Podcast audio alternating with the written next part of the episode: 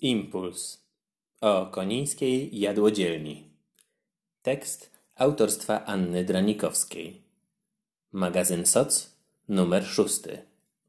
Czyta Tadeusz Mirski.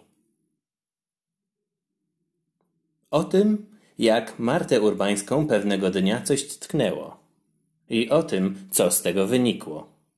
Trochę też o tym, że karma zawsze wraca. I o jedzeniu oczywiście. Chleb, szynka, warzywa, owoce, nabiał.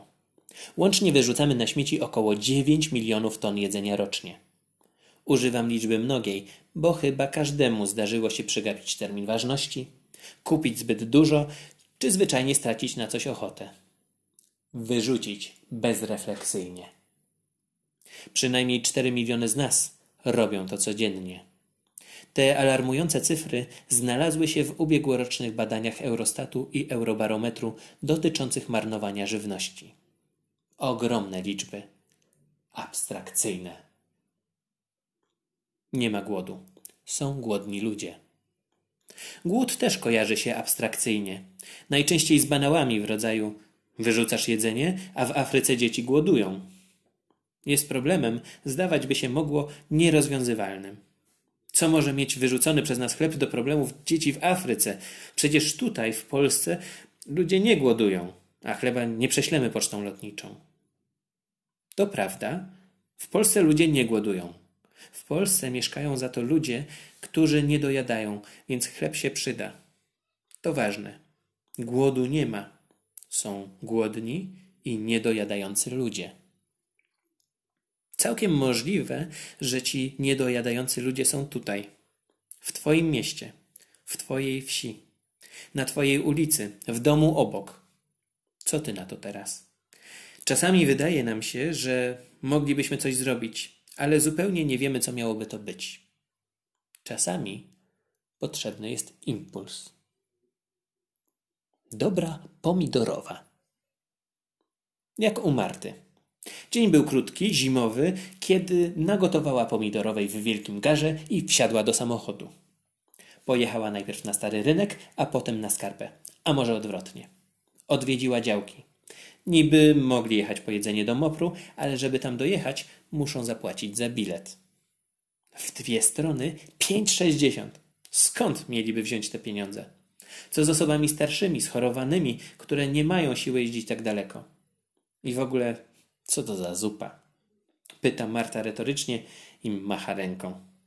Jej zdanie na temat kulinarnych umiejętności Mopru jest wyrobione i nie jest to pozytywna opinia.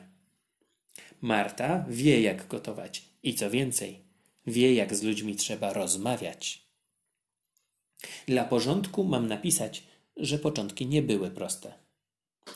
To nie jest tak, że oni mnie przyjęli tak od razu z otwartymi ramionami. Ciężko było wzbudzić zaufanie. Zaparkowała przed noclegownią dla osób bezdomnych, a tam chętnych na pomidorową brak. Ludzie mnie pytali, po co tutaj przyszłaś? Myślisz, że jesteś lepsza od nas? Myślisz, że my potrzebujemy tej twojej zupy? I zaczęłam płakać, jak oni mi tak powiedzieli. I wtedy wyszła przed ośrodek kobieta, herszt baba, co tak wszystkich krótko trzyma. I pyta się, czemu płaczesz? Wtedy ja opowiedziałam im swoją historię. To, że też miałam w życiu pod górkę. I oni mi uwierzyli.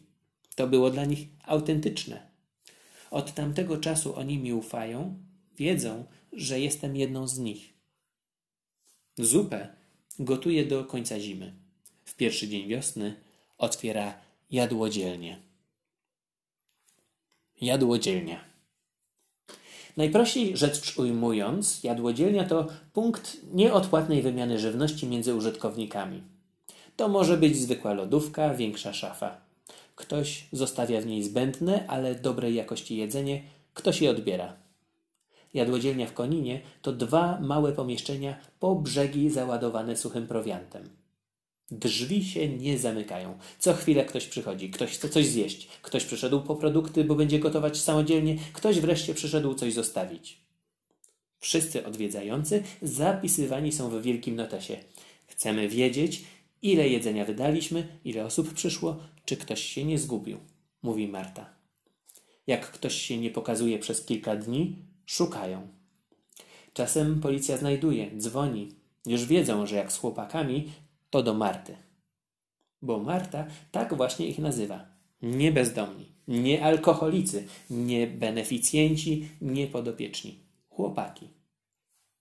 Ale przecież nie tylko chłopaki przychodzą do jadłodzielni. Przychodzą dzieci po chleb. Przychodzą samotne osoby starsze. Marta doradza. Do ogórkowej, przecier ogórkowy, ziemniaki, włoszczyzna. Marta pilnuje porządku. Regulamin jest krótki, a warunek właściwie tylko jeden. Trzeba być trzeźwym. Teraz, kiedy zrobiło się ciepło, z trzeźwością jest znacznie trudniej. Do łask wróciły plenery i działki. Sukcesy i klęski chłopaków Marta przeżywa jak swoje, a emocje u niej jak na dłoni. Popłacze się, nakrzyczy, zwymyśla i zapomni. Prędka jest. W gorącej wodzie kąpana. Udziela wywiadu, rozmawia przez telefon, odpala papierosa i strofuje wiesia, co to się objawił wreszcie po dwóch dniach niebytu. Weź, ogarnij się, człowieku, prosiłam cię. Idź do sklepu, kup maszynkę, powiedz, żeby zapisali na mnie. Człowiek zawraca się ogarnąć. Chłopaki mówią, że Marta jest równa, konkretna i że jak szefowa powie, to się nie dyskutuje. Chłopaki przeżywają swoje wzloty i upadki, a tymczasem ona organizuje kolejne wydarzenia. Święta wielkanocne, pieką ciasta, gotują żurek. Dzień dziecka, zbierają słodycze. Dla dzieci w ogóle trzeba się postarać bardziej. Codziennie przed osiemnastą szykujemy 40 kanapek. Czy trudno jest tak wszystko zorganizować? Nie, trudne to jest zbieranie pieniędzy na rachunki. Gaz, prąd. Za lokal szczęśliwie płacić nie muszą. Miasto użyczyło. Ludzie się dzielą. Nie za dużo tego wszystkiego na jedną osobę? Nie umiem tak bezczynnie siedzieć, odpowiada. Telefon znowu dzwoni. Dopala się papieros. No i przecież nie jestem tutaj sama, dodaje.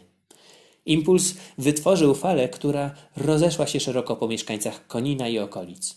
Pojawili się wolontariusze, pojawiła się Fundacja Sercem Przyprawiona. Rozszedł się po mieszkańcach Konina i okolic. I nagle wszyscy chcą pomagać. Telefon dzwoni bez przerwy. Lokalne firmy, mieszkańcy. Nagle okazuje się, że jest w Koninie tyle jedzenia, którym można się podzielić. Niektórzy dzielą się również swoim czasem. To wolontariusze, którzy będą wspierać swoją pracą Martę i zarejestrowaną przez nią Fundację Sercem Przyprawioną.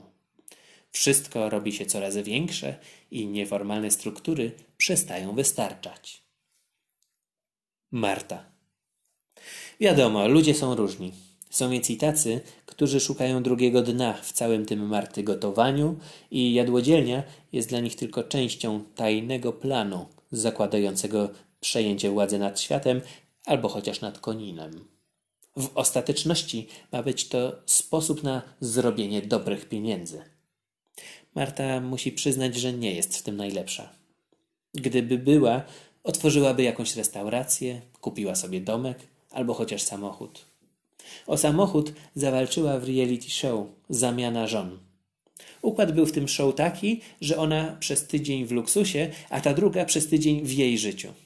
Marta wynudziła się jak mops. I nie jest pewna, czy oni tam w tym luksusie mają szczęście. Może wcale nie. Najważniejsze, mówi, to żeby moim dzieciom w życiu było dobrze. Dzieci już wiedzą, że trzeba się dzielić tym, co się ma. I zwierzętom, dodaje. W domu ma ich mnóstwo. Wszystkie przygarnięte. Są psy, kotka, świnka morska. Kotka kotna, więc rodzina się powiększy. Co robi w czasie wolnym? Paznokcie. Paznokcie muszą być zrobione. Zakończenie. Jednego razu idę przez park. Dzień nie jest dobry. Weszłam do kiosku, kupiłam dwie zdrabki. Wychodzę, patrzę, jeden z moich chłopaków siedzi na ławce. Myślę, no trudno. Masz, mówię do niego i podaję mu zdrabkę. Jak wygrasz, to masz coś płacić na fundację. No niestety, ani on, ani ja nic nie wygraliśmy. Ale próbowaliśmy przynajmniej. Codziennie trzeba próbować, co nie?